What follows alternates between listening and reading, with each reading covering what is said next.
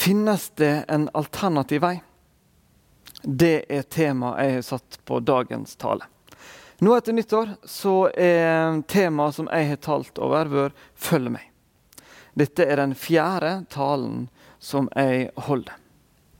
Og når vi snakker om dette temaet 'Følg meg', så er det snakk om noe fysisk, noe konkret. Det handler om å leve annerledes. Det handler om et liv som Jesus ønsker at vi skal leve.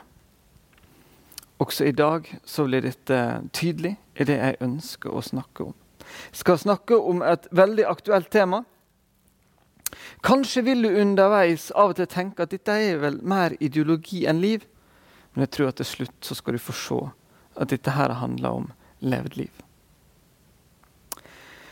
Jeg kommer i dag til å komme innom noen litt kontroversielle tema. Jeg kommer til å snakke litt om eh, politikk. Men jeg skal ikke snakke om partipolitikk. Jeg skal snakke om politiske og kulturelle tema. Eh, det er fullt mulig at du kommer til å være uenig med meg underveis. Det ser jeg ikke vekk ifra. Men jeg håper at du kan være med helt til slutt. Kikke på det bibelske materiellet som jeg eh, tar med inn i detaljen. Og så kan du få lov til å mene noe etterpå. Grunnen til at jeg tar opp dette i dag, det er for jeg tror at vi som kirke Og da tenker jeg på, på deg og meg, vi som utgjør denne kirka. At vi i altfor stor grad er fanga av den kulturen vi lever i. Og jeg tror at dette er et stort hinder for oss. Det er sterke krefter i kulturen. Og hvis vi ikke har et bevisst forhold til akkurat det, er jeg redd for at både du og jeg som enkeltmennesker, men vi som kirke, kan bli slukt i det her. Jeg ser nemlig et uh, samfunn som suser av gårde i stadig økende konfliktnivå. Jeg ser stadig flere mennesker eh, som henger mest med de de likest.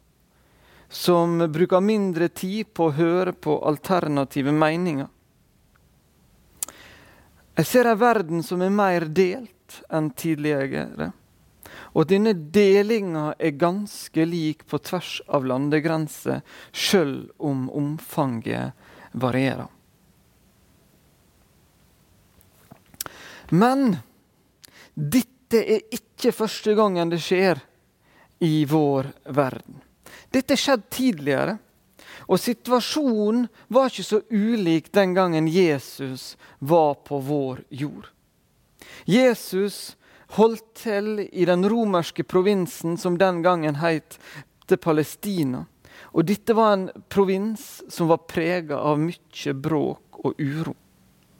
Eh, flere sier at det var den mest um, urolige provinsen i hele Romerriket. Og ifølge forfatter eh, og journalist Philip Jensi eh, så sier han at det var omtrent 150 000 jøder som mista livet i opprør mot de romerske styresmaktene de 70 åra før Jesus eh, kom til jord. Så Jesus han levde midt i ei urolig verden, ei ei ver verden som var prega av eh, sterke eh, ytringer, sterke meninger, eh, splittelse blant folk. Tøff tid. Noe av det vi ser i vår verden, er at eh, mange mennesker eh, beveger seg inn i en av to fløyer. Eh, nå skal jeg ta fram en ganske brei pensel og bruke noen karakteristikker som jeg har funnet hos Magnus Malm. Men jeg opplever dem som forholdsvis eh, treffende, sjøl om det er med brei pensel. På den ene sida finner vi høyrepopulismen. Med varierende bruk av eh, autoritære midler så står den på vakt for nasjon, for tradisjon og for etniske røtter. Her er fienden til dels den eh, liberale kulturelite, som i media og gjennom akademisk forskning villeder massene og frarøver dem rettighetene til et naturlig og autentisk liv. Denne sida er også dels opptatt av de ansiktsløse hordene av flyktninger og innvandrere som truer vår egen kultur med oppløsning og fremmede verdier. På den andre sida står den liberale opplysningstradisjonen. Der vokter ytringsfriheten, fri bevegelse over landegrenser og alle menneskers og kulturers likeverd. Fienden er den høyrepopulistiske bevegelsen som stiller spørsmål ved forskning, kveler det frie ord, undergraver demokratiet og bygger murer mellom land og folkegrupper. Så ulike, og likevel er begge gruppene fanga i en kulturtradisjon der de gjensidig forsterker hverandre og er stadig mer ufunksjonlig i kamp mot hverandre sine verdier. Og begge gruppene eh, er fascinerende eh, lite villig til å se på seg sjøl fra utsida. Og ingen av dem forstår hvorfor ikke alle blir enig med det synspunktet som de har. Jeg syns det er litt fascinerende å legge merke til. Men i delvis fortvilelse over å ha lest kommentarfelt på nettaviser og i andre forum fra begge disse her eh, kantene, eller grupperingene, så stiller jeg meg spørsmålet hvor i all verden skal vi som kirke framstå i det her? Hvordan skal en nasjonalstat som er opptatt av å stenge grensene, forenes med Jesu undervisning om et globalt fellesskap av brødre og søstre? Hvordan skal den liberale opplysningstradisjonens individualisme og forakt for åndelige tradisjoner kunne forenes med Kirkens lojalitet til Jesus som Herre på alle livets områder.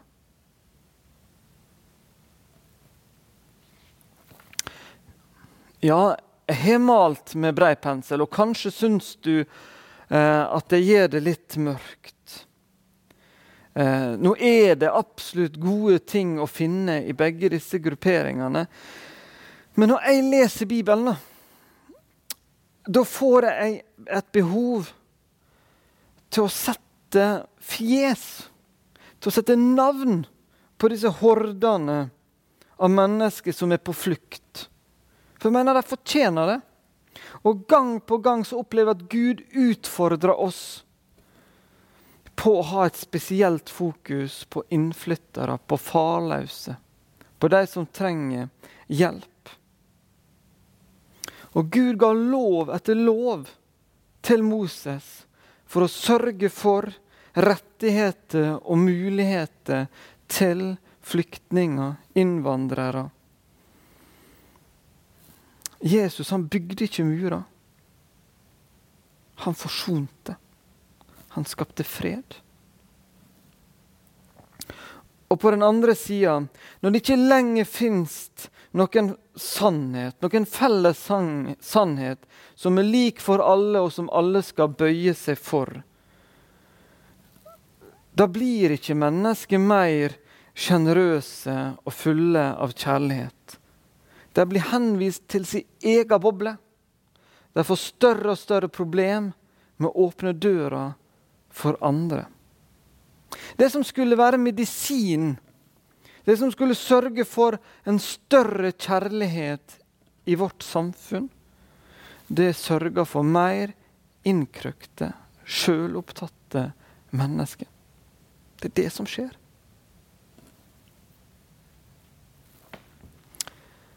Hvordan ønsker Gud at jeg skal følge Han i det her? Og da tenker jeg ikke på hva jeg skal krysse på en stemmeseddel i september. For Jesus var det mye viktigere hvordan jeg lever hver eneste dag. Hvordan skal vi som kirke leve i denne situasjonen som vi ser, både i landet vårt og ellers rundt oss? Sjansen for at jeg som individ og vi som kirke blir dratt med i denne kulturkampen, er veldig stor om vi ikke er bevisst. En mann som heter Thomas Merton, sa noe veldig klokt på slutten av livet sitt. Da sa han, 'Be for meg'. Når man blir eldre, innser man hvor fåfengt det er å sløse livet bort i argumentasjon når det helt og holdent skulle vies til å elske. Be for meg. Når man blir eldre, innser man hvor fåfengt det er å sløse livet bort i argumentasjon når det helt og holdent skulle vies til å elske. Johannesevangeliet gir noe av grunnen til det her Thomas sier. Johannes 3, 16. For så høyt har Gud elsket verden, at han ga sin sønn, den enbårne, for at hver den som tror på Han, ikke skal gå fortapt, men ha evig liv. Så står det litt seinere i Johannes evangeliet. Da kom Jesus. Han sto midt iblant dem og sa, 'Fred være med dere.' Og da han hadde sagt det, viste han dem hendene og siden sin. Disiplene ble glade da de så Herren. Igjen sa Jesus til dem, 'Fred være med dere.' Som Far har sendt meg, sender jeg dere. Som Far har sendt meg, sender jeg dere. Det finnes altså en alternativ vei. Vi må ikke velge mellom disse to retningene jeg snakker om. Der er et alternativ. Fra det tidspunktet vi sa ja til å følge Jesus, så ble vi sendt til denne verden vi er i. Vi ble sendt til den for å elske den, for å elske de menneska som er i den. Ikke argumentere, men vise kjærlighet. Ikke bruke så mye munn men å handle. En livskunst. Hvis vi som enkeltpersoner og som har tilstrekkelig dype røtter i Kristus, så kan vi stå fritt i møte med verdens politiske, økonomiske og kulturelle forførelser. Vi skal slutte å demonisere den verden vi lever i. Slutte å være redd den. Slutte å snakke at det er noe som er så farlig. For så lenge vi snakker om den på den måten, så lenge vi er redd den verden vi lever i, så er den makt over oss. Tenk gjerne hver eneste dag på det Jesus sa Vær frimodige. Jeg har vunnet over denne verden. Det fins et alternativ. For meg er dette utrolig befriende, for jeg har brukt ganske mye tid på å tenke på hvordan skal jeg håndtere denne situasjonen som er, både som enkeltmenneske, men også som leder for ei kirke. Og så er svaret kjærlighet. I den utrolige, urolige verden som Jesus levde i, så brukte han tilstrekkelig tid eh, i bønn og fellesskap med sin far. Og så gikk han ut og vaska bein, tilga synd og levde kjærlighetens vei. Viste oss kjærlighetens vei. Det var ikke mye tid han brukte på å ta til motmæle mot romerstaten og var opptatt av politiske tema. Nei, det var lite argumentasjon. Men det var et liv dypt prega av solide røtter til sin far og kjærlighet til mennesker rundt seg. Vi finner noe av det samme igjen i apostelgjerningene 20. Paulus skal ta avskjed med lederne for kirka i Efesus. Det var en helt spesiell by. Byen var et av sentra for den helenistiske kulturen. Uh, tempelområdet i Efesus var fire ganger så stort som i Aten. Det, det betydde kjempemye for denne byen. Paulus snakker til, til, disse lederne, så sier han, sier ikke noe om at dere må passe dere for, for dette tempelet og det de driver på med der, og den kulturen som preger dere så mye. Han sier, vær gode hyrder for menigheten. Sørg for at det er dype røtter, at de lever nær til Jesus. For eh, problemer kommer hvis han ikke er det. Det er de problemene innad i menigheten som vil skape problem hvis vi ikke lever nær nok Jesus. Glem litt det som er rundt. Konsentrer oss om en etterfølgelse av Jesus.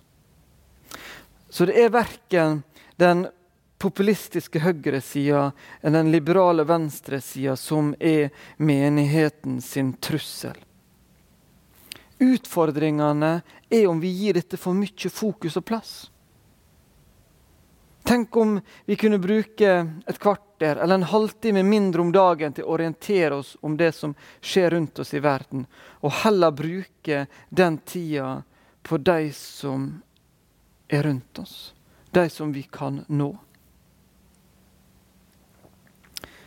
Vår største utfordring, om vi er villige til å leve nær nok Jesus og Guds ord, og ha tilstrekkelig dype røtter i det, slik at vi kan, slik at vi kan oppleve å være sendt til denne verden for å elske mennesker rundt oss. Skal vi leve ut denne sendelsen, så er ingenting mer avgjørende at vi kan få dele Jesu kjærlighet med de mennesker vi betjener. Den kjærligheten som kan få oss til å bli igjen når andre mennesker klatrer oppover. Den kjærligheten som gir alle ressurser, kunnskapen, pengene, bygningene, den plassen de skal ha, og ikke mer enn det. Den kjærligheten som hele tida leter etter den korteste veien til andre mennesker sitt hjerte.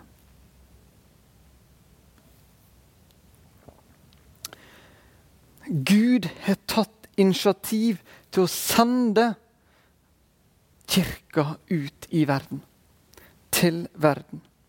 Det er ikke noe vi vedtar eller planlegger på et styremøte. Dette er en sendelse som pågår. Dette er misjon misjon til den verden vi lever i. Og denne misjonen, den staves inkarnasjon. Den levende Gud har identifisert seg med vår kirke, med oss som mennesker som hører til i denne kirka. Gud er naturligvis mye større enn kirka, men han har valgt å identifisere seg med oss. Å være et kroppslig tegn på sitt nærvær midt i denne verden, midt i disse kulturene vi møter.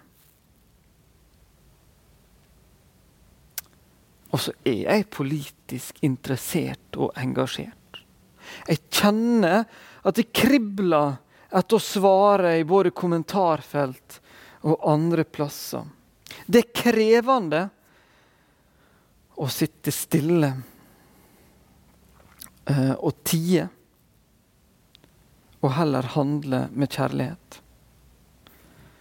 Men du verden for en forskjell det utgjør.